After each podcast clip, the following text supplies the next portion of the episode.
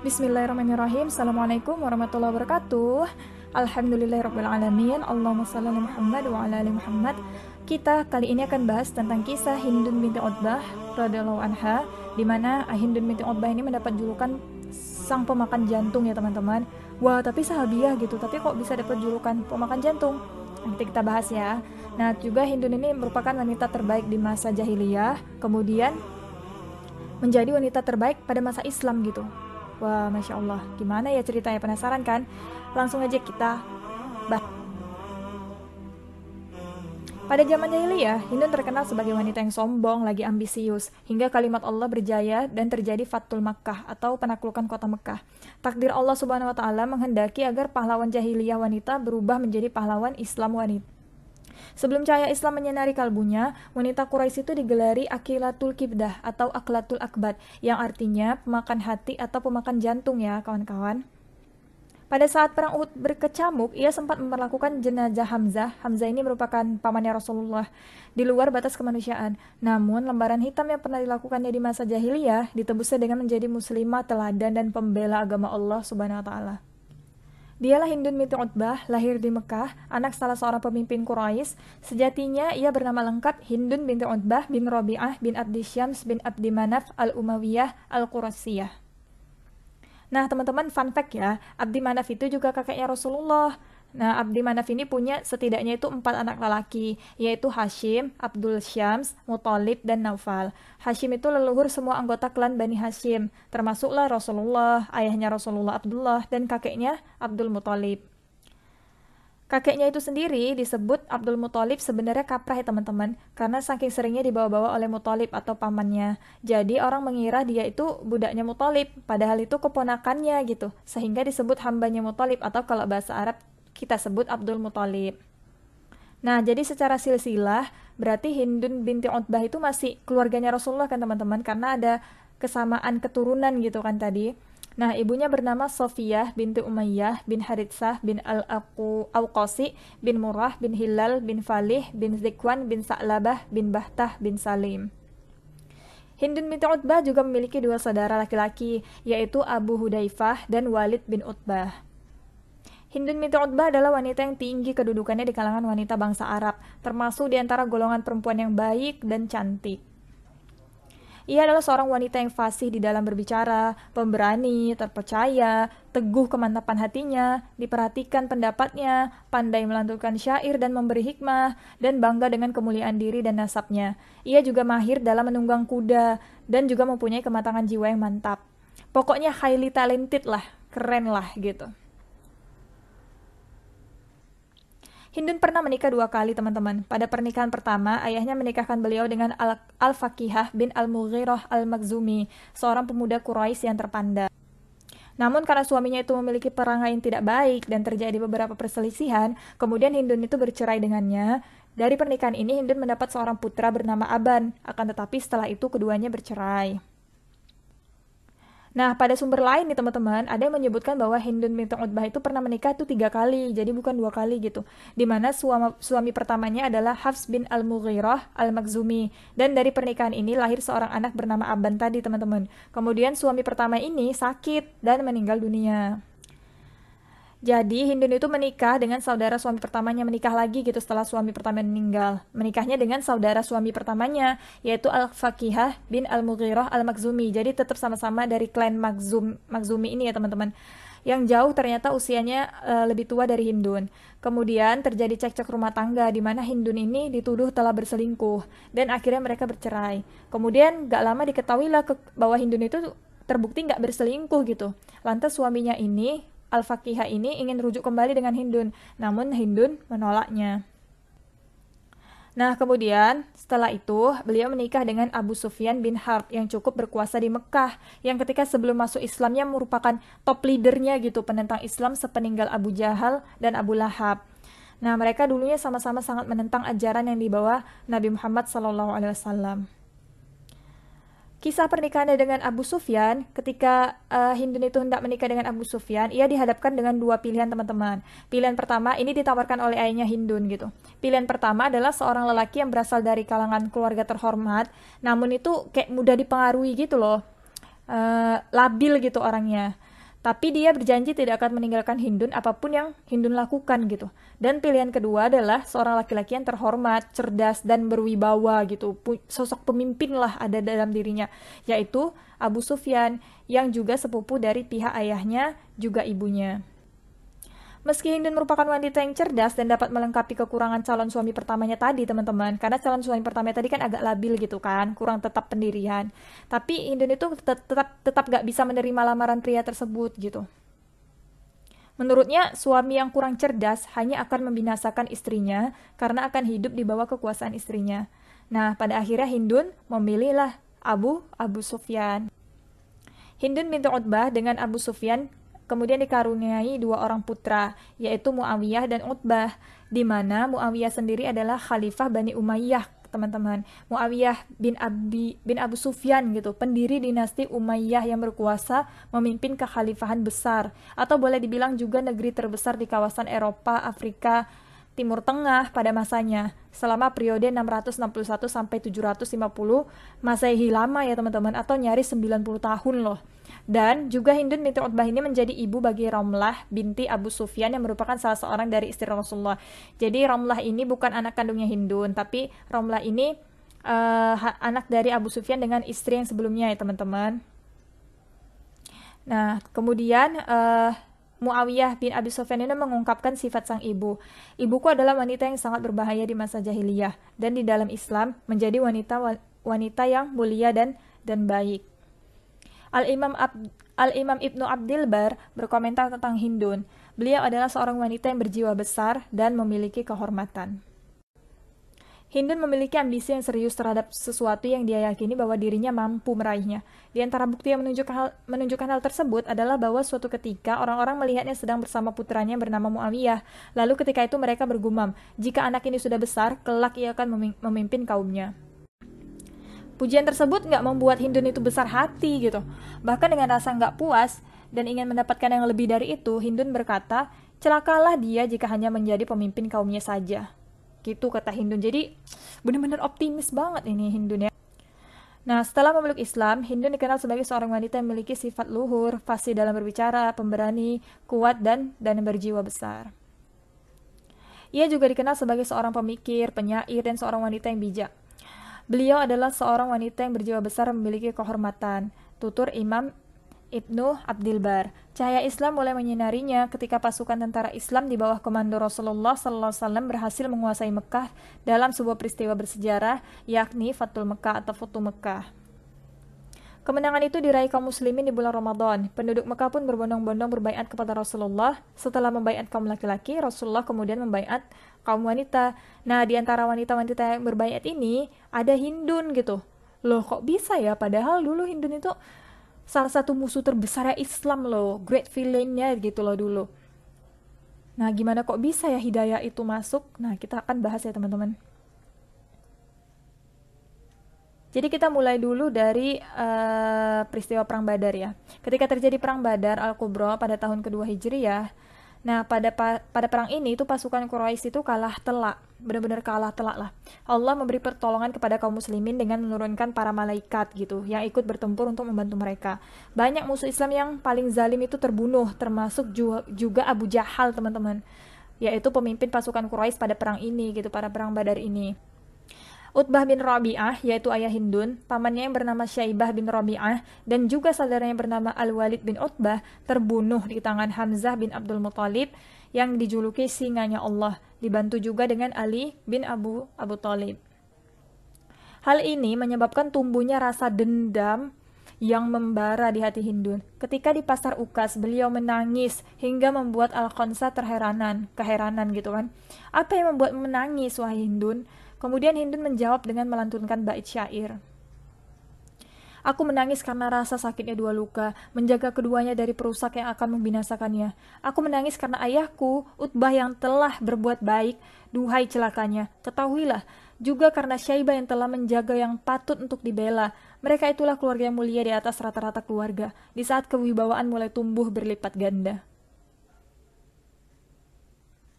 Nah, jadi ini benar-benar dendam kali teman-teman. Benar-benar sedih banget ketika tadi tiga keluarga terdekat itu meninggal gitu di perang Badar. Momen pembalasan dendam itu pun datang gitu. Ketika perang Uhud pada tahun ketiga Hijriyah, Hindun bin Ut binti Utbah memainkan peranan sebagai juru perang yang handal. Ia menjadi pemimpin dari sekelompok wanita. Jelaslah Hindun leadernya gitu kan. Beliau berangkat bersama kaum musyrikin Quraisy.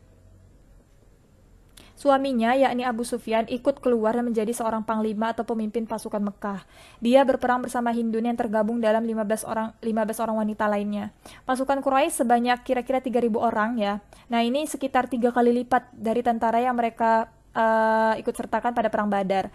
Dengan panglimanya tadi itu Abu Abu Sufyan bin Harb, mereka pun bertolak ke Uhud. Pasukan berkuda dipimpin oleh panglima tangkas Khalid bin Walid. Nah, saat ini Khalid bin Walid itu belum masuk Islam ya, teman-teman. Kemudian mereka pun bergembira ria gitu atas kejadian itu karena merasa, wow pasukan kita ini udah besar nih, pasti kita menang gitu. Nah, sebelum berangkat ke, U, ke perang Uhud, Hindun itu memerintahkan budaknya Zubair bin Mut'aim, yakni Al-Wahsy bin Harb, seorang budak Ethiopia atau Habasyi, untuk khusus membunuh Hamzah karena dia ingin membalaskan dendamnya atas kematian ayah dan pamannya. Dan Wahsy ini sangat terkenal ahli dalam melempar tombak, teman-teman. Sebenarnya Hindun ini pengen Wahsy itu membunuh uh, Rasulullah, membunuh Hamzah dan membunuh Ali bin Abi Thalib, tapi uh, Wahsy ini merasa keberatan, agak sulit gitu untuk membunuh Rasulullah dan uh, Ali gitu. Jadi kalau Hamzah mungkin kira-kira aku bisa lah bunuh kata kata Wahsy. Terus ya udah kalau gitu kamu fokus ke Hamzah aja lah gitu kan, suruh si disuruh Hindun. Jika budaknya berhasil, Hindun menjanjikan kemerdekaan baginya dan juga akan memberikan perhiasan-perhiasan mahal. Api permusuhan senantiasa berkorban di dadanya, sehingga dia berkata kepada budaknya, Wahai Abu Dasmah, obatilah aku, sembuhkanlah luka hatiku. Tidaklah mengherankan ucapan tersebut keluar dari lisan seorang yang menyimpan dendam, dendam kesumat. Jadi benar-benar dendamnya Hindun ini benar-benar dalam banget gitu teman-teman. Tidur pun gak nyenyak sebelum dia bisa membalaskan dendamnya ini gitu. Ketika perang Uhud berkecamuk, perempuan-perempuan Quraisy di bawah pimpinan Hindun binti Utbah menyelinap di antara barisan tentara sambil menabuh rebana untuk membangkitkan semangat pasukan dan mengobar, mengobarkan api api perang. Mereka berteriak kepada segenap pasukan dengan puisi-puisi yang membakar hati. Hindun mengobarkan semangat perang kepada pasukan Quraisy bersama para wanita musyrikin lainnya sembari memukul rebana dan bersyair. Kami adalah wanita-wanita jalanan yang berjalan membawa bantal yang empuk. Jika kalian maju, kami peluk. Jika kalian lari, akan kami cerai. Dia juga mengulang-ulang syair. Wahai Bani Abdidar, wahai para pejuang, pukullah dengan segala senjata yang tajam. Pada peristiwa itu, nama Hindun tertulis dalam lembaran yang hitam kelam yang tidak pernah dilupakan oleh sejarah. Catatan tersebut berupa perlakuannya terhadap Hamzah bin Abdul Muthalib, bapak sekaligus penghulu para syuhada. Setelah Al-Wahsy berhasil membunuh Hamzah dengan tombaknya, Hindun segera menghampirinya dan memotong hidung dan kedua telinganya. Kemudian dia merobek perut Hamzah dan mengambil jantungnya, lalu mengunyahnya. Hanya saja, Hindun tidak kuasa untuk menelannya sehingga dia meludahnya kembali. Berita ini kemudian disampaikan pada Rasulullah Sallallahu Alaihi Wasallam. Nabi Sallallahu Alaihi Wasallam bersabda, kalau saja dia menelannya, tentu dia tidak akan tersentuh api neraka, karena Allah mengharamkan bagi neraka untuk menyentuh bagian daging Hamzah sedikit pun. Hindun binti Utbah juga melakukan perlakuan yang tidak wajar terhadap mayat para pahlawan yang syahid. Usai pertempuran, Hindun dan beberapa wanita yang bersamanya terdiam, lalu menghitung-hitung jumlah korban yang terbunuh dari pihak muslimin. Mereka mendapatkan telinga dan hidung yang banyak. Dia mengambil beberapa potong telinga dan hidung kaum muslimin sebagai gelang kaki dan kalung. Bayangin loh teman-teman, dijadiin gelang kaki dan kalung gitu loh. Telinga dan dan hidung korban-korban yang terbunuh dari pihak pihak muslimin. Setelah itu ia berkata, Aku telah mengobati diriku dengan kematian Hamzah di perang Uhud, hingga aku berhasil merobek perutnya untuk mengambil hatinya. Sekarang telah hilang kesedihanku dengan sebab sesuatu yang telah kudapati, yaitu kematian Hamzah. Begitulah kata Hindun. Lalu dia naik ke atas bukit dengan perasaan puas dan berteriak dengan suara yang lantang. Telah kami balas kekalahan kami di perang badar. Perang demi perang terus berkobar. Tiada bersabar diriku atas kematian Utbah ayahku. Tidak juga saudara dan pamanku. Telah ku obati luka hatiku dan telah ku tebus nazarku. Wahsy telah hilangkan rasa dahaga di hatiku. Terima kasihku kepada Wahsy terhadap umurku. Hingga terkelupas dagingku di dalam kuburku.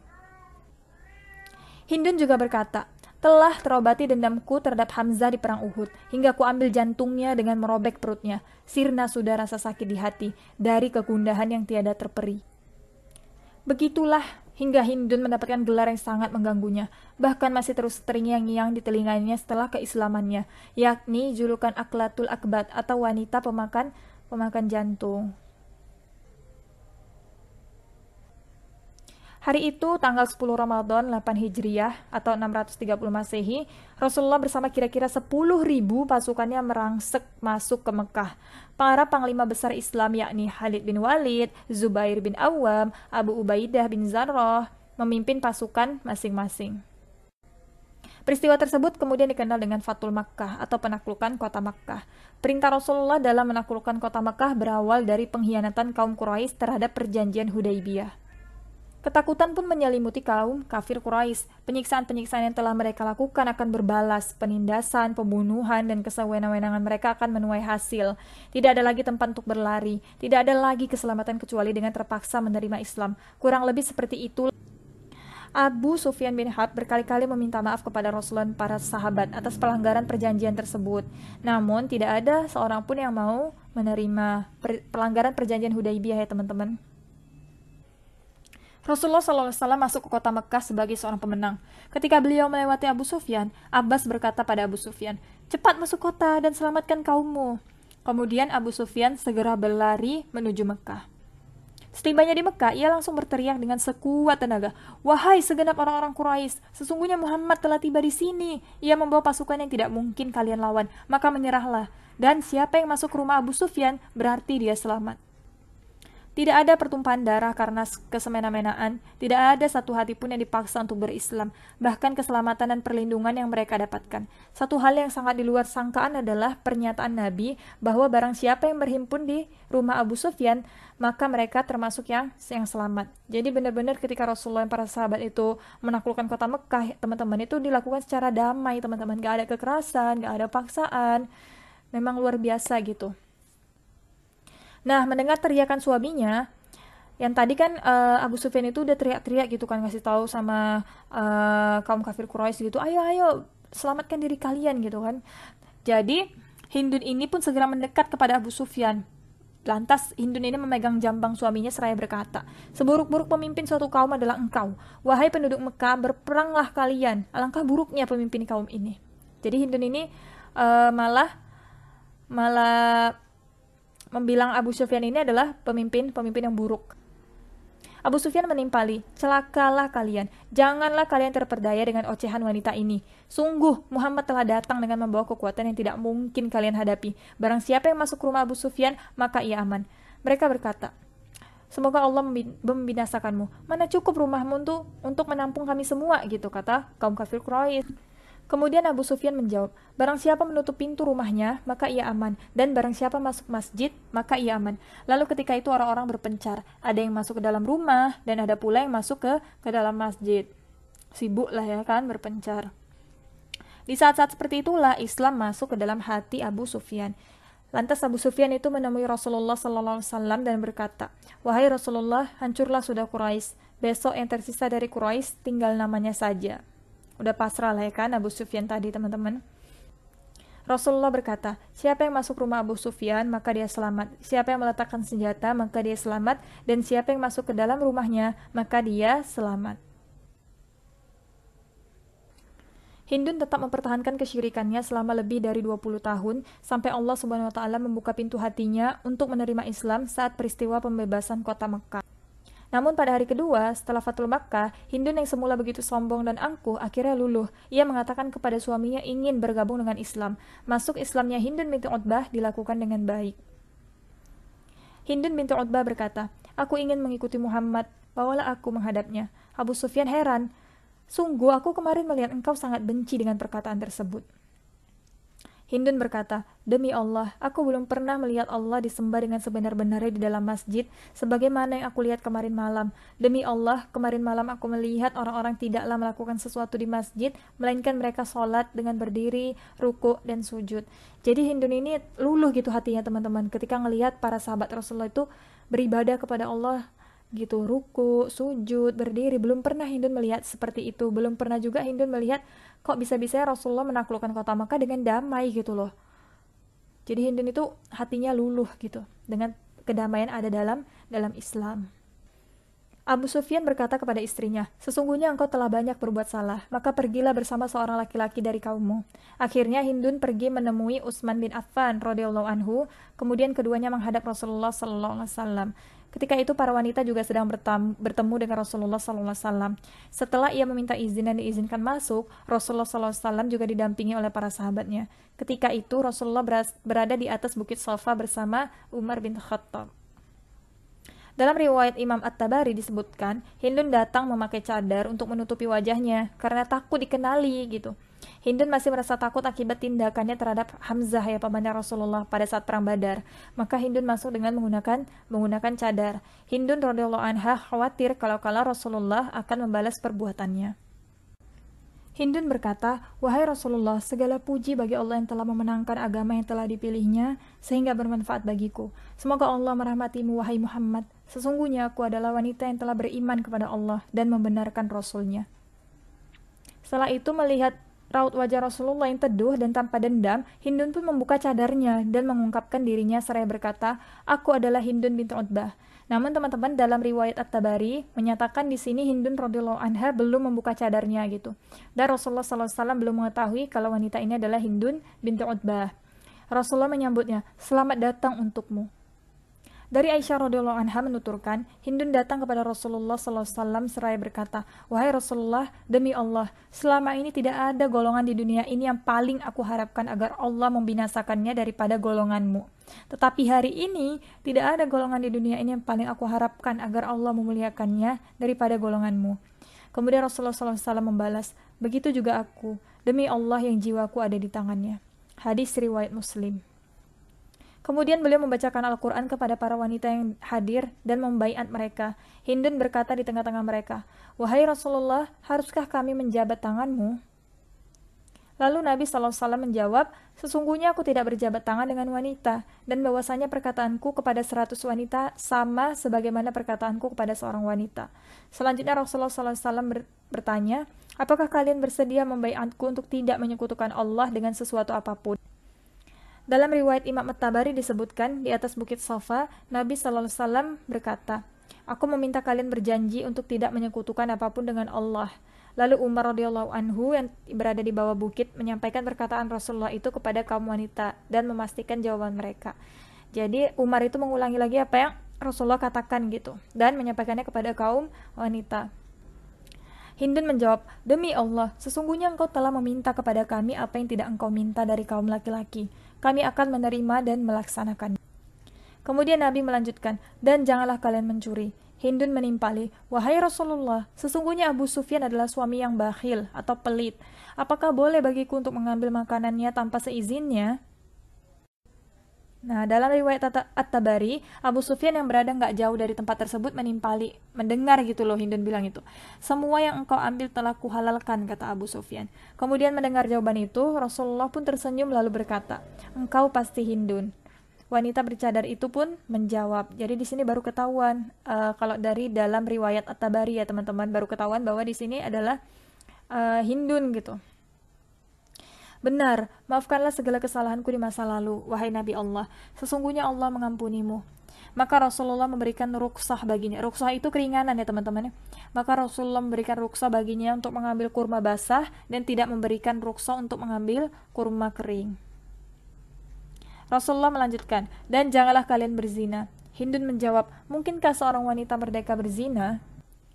Nabi melanjutkan, dan janganlah kalian membunuh anak-anak kalian. Hindun berkata, Sungguh, kami telah memelihara mereka sejak kecil. Kemudian kalian yang telah membunuhnya di perang badar tatkala mereka telah dewasa. Maka engkau lebih tahu akan hal itu, begitu pula mereka, para sahabat. Maka ketika itu Umar bin Khattab tertawa mendengar pernyataan Hindun tersebut hingga lama sekali. Ketika mendengar Hindun berucap demikian, Rasulullah tidak bereaksi apa pun dan beliau tetap menerima sumpah Hindun. Kemudian Rasulullah melanjutkan, dan janganlah berbuat dusta yang diada-adakan antara tangan dan kaki kalian. Hindun menjawab, demi Allah, sesungguhnya kedustaan itu amal, amatlah buruk. Nabi melanjutkan lagi, dan janganlah kalian mendurhakaiku dalam urusan yang baik. Hindun menyahut lagi, tidaklah kami akan duduk di majelis ini jika hendak mendurhakaimu dalam perkara yang ma'ruf. Begitulah sikap Hindu di hadapan Rasulullah Sallallahu Alaihi Wasallam. Dengan kepribadian yang kuat dan keimanan yang tulus, ia berdialog dan bertanya serta mengulang-ulangnya. Setelah Hindun selesai, Rasulullah lalu bersabda, "Ada yang mau menambahkan?" Lalu tampil istri Ikrimah bin Abu Jahal. Dia berdiri mengucapkan syahadat untuk masuk Islam dan memintakan ampunan untuk suaminya. Dan permintaannya dikabulkan oleh Rasulullah. Istri Wahsy, budak yang telah berhasil membunuh Hamzah, teman-teman, juga dalam kesempatan yang lain meminta yang sama gitu, meminta ampunan terhadap Wahsy juga dan masuk Islam juga. Rasulullah Sallallahu Alaihi Wasallam kemudian berkata pada Umar bin Khattab, "Baiat mereka semua wahai Umar dan minta lampunan Allah bagi mereka." Umar lalu membaiat mereka. Rasulullah Sallallahu Alaihi Wasallam tidak berjabat tangan dengan para wanita itu dan tidak pula menyentuhnya kecuali wanita-wanita yang benar-benar dihalalkan oleh Allah bagi dirinya atau wanita yang menjadi mahramnya. Kepribadian Hindun binti Utbah sangat jarang dimiliki perempuan lain, teman-teman. Ketika hidayah datang kepadanya, ia langsung dapat menebus dosa-dosa jahiliyahnya. Hatinya luluh, dia tampil sebagai sosok sahabat perempuan yang sangat istimewa. Allah Ta'ala membersihkan jiwanya dari kedengkian dan kebencian, serta menyingkap pikirannya dari tabir jahiliyah. Saat setelah menyatakan masuk Islam, tatkala Hindun pulang ke rumahnya setelah berbaiat, ia langsung menghampiri patung-patung dan menghancurkannya dengan sebuah kapak yang besar, hingga berkeping-keping, seraya berkata, Dahulu kami tertipu olehmu, dahulu kami tertipu olehmu. Ada riwayat lain menceritakan, suatu hari setelah Islam, setelah masuk Islam, Hindun pernah mengirimkan hadiah kambing muda panggang kepada Rasulullah, dihantarkan oleh budaknya. Saat beramat tamah, budak itu berkata, ini hadiah untukmu dari nyonyaku, dan dia meminta maaf kepadamu. Lalu saat soal kambing panggang itu dibahas, sang budak menambahkan, sebenarnya kambing kami akhir-akhir ini jarang beranak. Sekedar berbagi informasi kecil, kecil saja. Tapi lantas Rasulullah mendoakannya, semoga Allah member, memberkati kambing kalian dan memperbanyak kelahirannya. Sesampainya di rumah, sang budak menceritakan doa tadi dan senanglah hati Hindun. Beberapa lama kemudian, budak tersebut bersaksi, setelah didoakan Rasul, kami melihat sendiri bagaimana banyaknya anak kambingnya dan seringnya melahirkan, yang tidak pernah kami lihat sebelumnya. Hindun yakin itu berkat doa Rasulullah Sallallahu Alaihi Wasallam, yang tentunya dikabulkan oleh Allah Subhanahu Wa Taala. Statusnya sebagai sahabat Nabi terkadang masih dipertanyakan karena aksinya sebelum memeluk Islam yang dulu benar-benar membenci Islam banget apalagi telah memakan hati dari Hamzah, pamannya Rasulullah sewaktu perang Uhud. Tetapi itu semua tentu terbantahkan. Setelah menjadi muslimah, Hindun itu menjadi seorang muslimah yang ahli ibadah, rajin sholat malam, rajin berpuasa. Ia sangat konsisten dengan status barunya tersebut sampai tiba saat yang membawa kegelapan bagi seluruh bumi ini, yaitu wafatnya Rasulullah Sallallahu Alaihi Wasallam. Hindun sangat terpukul, hatinya nyaris hancur karena merasa terlalu lama dirinya memusuhi Rasulullah dan baru saja bisa menerima Islam. Namun demikian, ia tetap mempertahankan keislamannya dengan baik. Ia tetap menjadi seorang ahli ibadah dan menjaga janji setia yang pernah diucapkannya di hadapan Rasulullah Sallallahu Alaihi Wasallam. Hari-hari berlalu dan semakin bertambahlah pengetahuan Hindun dalam masalah keimanan sehingga membawa dirinya untuk berjihad menyertai kaum muslimin. Dan mulailah Hindun radhiyallahu anha ikut andil dalam berjihad bersama kaum muslimin. Perang yang terkenal ialah Perang Yarmuk, di mana kaum muslimin berperang melawan pasukan Romawi yang jumlahnya sangat banyak. Hindun merupakan seorang wanita yang berani yang ikut terjun di medan peperangan. Ia berperan menjadi penabuh gendang sama seperti di perang Uhud untuk menyemangati dan menghadang tentara yang ingin mundur dari medan perang. Pada perang ini terdapat beberapa orang yang ingin melarikan diri. Namun Hindu dan para kaum muslimah menghadang mereka dan memberi kecaman keras kepada siapa saja yang hendak kabur. Beliau bersama suaminya Abu Sufyan ikut serta dalam perang Yarmuk yang terkenal itu hingga beliau mendapatkan luka yang serius. Dalam perang Yarmuk, Hindun mempunyai peran yang sangat besar. Ibnu Jarir berkata, pada hari itu kaum muslimin bertempur habis-habisan. Mereka berhasil menewaskan pasukan Romawi dalam jumlah yang sangat besar. Sementara itu, kaum wanita menghalau setiap tentara muslim yang terdesak dan mundur dari medan laga. Mereka berteriak, kalian mau pergi ke mana? Apakah kalian akan membiarkan kami ditawan oleh pasukan Romawi? Siapa pun yang mendapat kecaman yang pedas seperti itu, pastilah kembali menuju kancah pertempuran. Beliau juga memompa semangat kaum muslimin untuk memerangi Romawi dengan mengatakan, Percepatlah kematian mereka dengan pedang kalian, wahai kaum muslimin. Tentara muslim yang sebelumnya hampir melarikan diri, kemudian bertempur kembali, membangkitkan semangat pasukan yang lain. Mereka benar-benar terbakar oleh kecaman pedas yang diteriakkan oleh kaum wanita, terutama Hindun binti Utbah. Dalam suasana seperti itu, Hindun menuju barisan tentara sambil membawa tongkat pemukul tabuh dengan diiringi oleh wanita-wanita muhajirin. Ia membaca bait-bait syair yang pernah dibacanya dalam perang Uhud. Begitulah Hindun binti Utbah membela dan mempertahankan agama yang diyakininya. Tiba-tiba pasukan berkuda yang berada di sayap kanan pasukan muslim berbalik arah karena terdesak musuh. Melihat pemandangan tersebut, Hindun berteriak, Kalian mau lari ke mana? Kalian melarikan diri dari apa? Apakah dari Allah dan surganya? Sungguh, Allah melihat apa yang kalian lakukan. Hindun juga melihat suaminya Abu Sufyan yang berbalik arah dan melarikan diri. Hindun segera mengejar dan memukul muka kudanya Abu Sufyan dengan tongkat seraya berteriak, Engkau mau ke mana, wahai putra Syakr? Ayo kembali lagi ke medan perang. Berjuanglah habis-habisan agar engkau dapat membalas kesalahanmu di masa lalu. Saat engkau menggalang kekuatan untuk menghancurkan Rasulullah. Begitulah semangatnya Hindun, ya teman-teman. Zubair bin Al-Awwam yang melihat semua kejadian itu berkata, Ucapan Hindun kepada Abu Sufyan itu mengingatkanku kepada peristiwa perang Uhud saat kami berjuang di depan Rasulullah Sallallahu Alaihi Wasallam. Zubair melanjutkan, saat itu juga Abu Sufyan membelokkan kudanya dan kembali menuju medan laga. Langkahnya segera diikuti oleh pasukan muslim lainnya. Aku juga melihat kaum wanita bergabung dengan mereka, bahkan bergerak lebih dulu. Aku terkejut ketika ada seorang wanita yang menyerang tentara Romawi yang perawakannya tinggi besar dan menunggang kuda. Wanita itu menarik tubuh tentara tersebut hingga berhasil menjatuhkannya. Lalu ia membunuhnya sambil berteriak, Inilah bukti yang nyata pertolongan Allah kepada kaum muslimin. Diriwayatkan, dia tetap mempertahankan keislamannya dan tetap dipandang halayak sebagai ahli ibadah yang tekun. Tetap setia pada janji-janji yang ia ucapkan di depan Rasulullah Wasallam.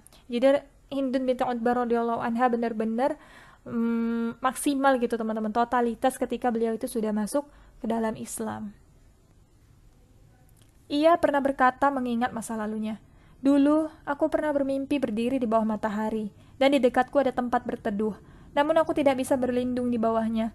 Sekarang, ketika aku telah masuk Islam, aku bermimpi lagi tentang itu, tapi seolah aku telah diizinkan masuk dalam lindungannya.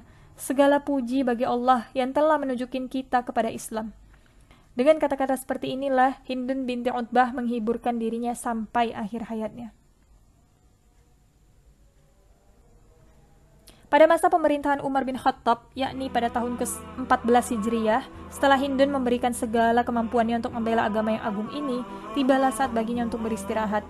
Ia meninggal di atas tempat tidurnya pada hari di mana Abu Kohafah atau ayahanda dari Abu Bakar As-Siddiq juga meninggal. Setelah Hindun memberikan segala kemampuannya untuk membela agama yang agung ini. Muawiyah menggambarkan ibunya, Sesungguhnya di zaman jahiliyah beliau memiliki kewibawaan, begitu pula di zaman Islam beliau memiliki kemuliaan yang tinggi. Hindun juga turun meriwayatkan hadis dari Rasulullah Sallallahu Alaihi Wasallam. Begitu pula putra beliau Muawiyah bin Abu Sufyan yang meriwayatkan hadis dari beliau dan Aisyah Ummul Mukminin radhiyallahu anha. Yang pertama, dari peristiwa Fatul Makkah, secara emosi mungkin sangat sulit gitu menerima perlakuan Rasulullah terhadap Abu Sufyan dan Hindun karena begitu uh, getolnya gitu lah Abu Sufyan dan Hindun itu memusuhi Islam. Tapi Rasulullah tidak tidak merasa dendam gitu.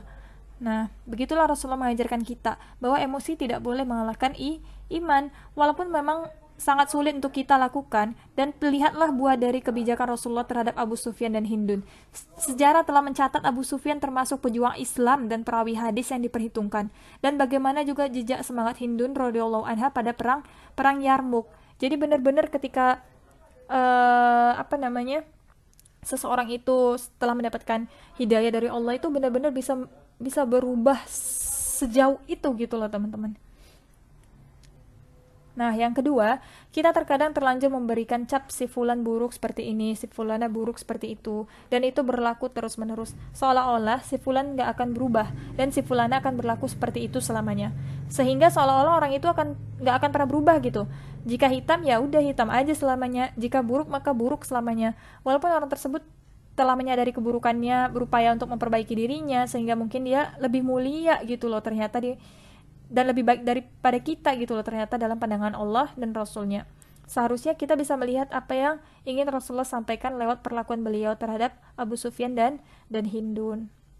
jadi uh, jangan memandang orang itu sebelah mata teman-teman karena kita nggak tahu apa yang terjadi pada pada kehidupan uh, orang tersebut di kemudian hari dan pada kita juga di kemudian hari gitu semoga Allah selalu menjaga kita yang tiga, kembali pada masa sekarang ya muslimah saat ini banyak gitu ya yang ahli di berbagai bidang. Adanya emansipasi wanita turut mendukung kemajuan ini. Namun terdapat satu hal yang perlu kita garis bawahi sebagai seorang muslimah yang kelak akan menjadi seorang menjadi istri gitu ya. Kita nggak boleh uh, lebih berkuasa dibanding suami kita.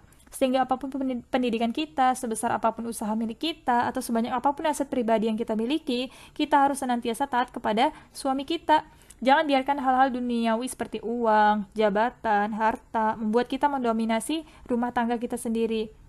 Ingat ya teman-teman, pada dasarnya lelaki adalah imam gitu. Maka cari carilah lelaki yang pantas dan sanggup memimpin kita, bukan dipimpin oleh kita gitu ya.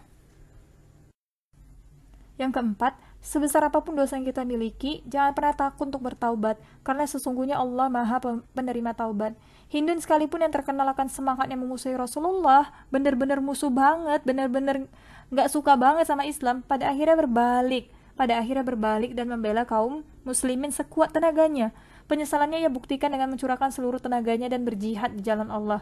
Bahkan ia juga meriwayatkan beberapa hadis dari Rasulullah. Jadi teman-teman, ayo kita selalu bertaubat kepada Allah Subhanahu wa taala. Lakukanlah hal, hal terbaik yang kita bisa untuk menebus kesalahan kita di masa lalu dan berusaha menjadi muslim yang lebih baik setiap harinya.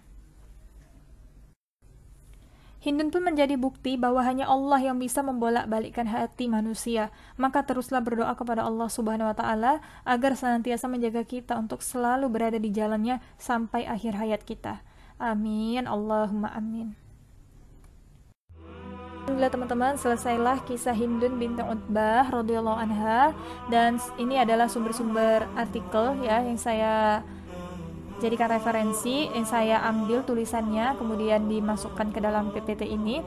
Yang pertama adalah dakwatuna.com, rumahsyo.com, bincangsyariat.com, hidayatullah.com, ilmuiman.net, muslimar.org.id, kumparan.com, bincangsyariat.com, islampost.com, fsi, febui.com, Hidayaturrahman.com, biografi tokoh ternama .blogspot.com, kalam.sindonews.com. Kemudian sumber artikel penelitian dari digilit.uwins eh.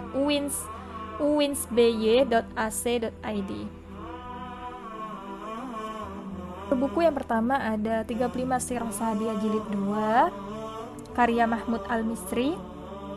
Lalu ada 77 Cahaya Cinta Madinah karya Umur Maisha. Kemudian para sahabat wanita yang akrab dalam kehidupan Rasul karya Maulana Said Ansori Nadwi Kemudian mereka adalah para sahabiat karya Mahmud Mahdi al-Istanbuli. Kemudian Wanita Teladan karya Mahmud Mahdi al-Istanbuli dan Mustafa Abu An-Nashr Ash-Shilbi. Kemudian ada buku kecil kearifan Islam seri 2 karya Maulana Wahiduddin Khan Alhamdulillah itu dia teman-teman uh, sumber dari buku-bukunya. Wallahu a'lam bishawab. Terima kasih teman-teman sudah menonton. Jazakumullah khairan katsiran. Sampai bertemu di kisah-kisah berikutnya. Jangan lupa untuk subscribe jika memang channel ini bermanfaat dan juga di follow akun-akun media sosialnya ada Facebook, podcast dan Twitter. Oke, okay, assalamualaikum warahmatullahi wabarakatuh.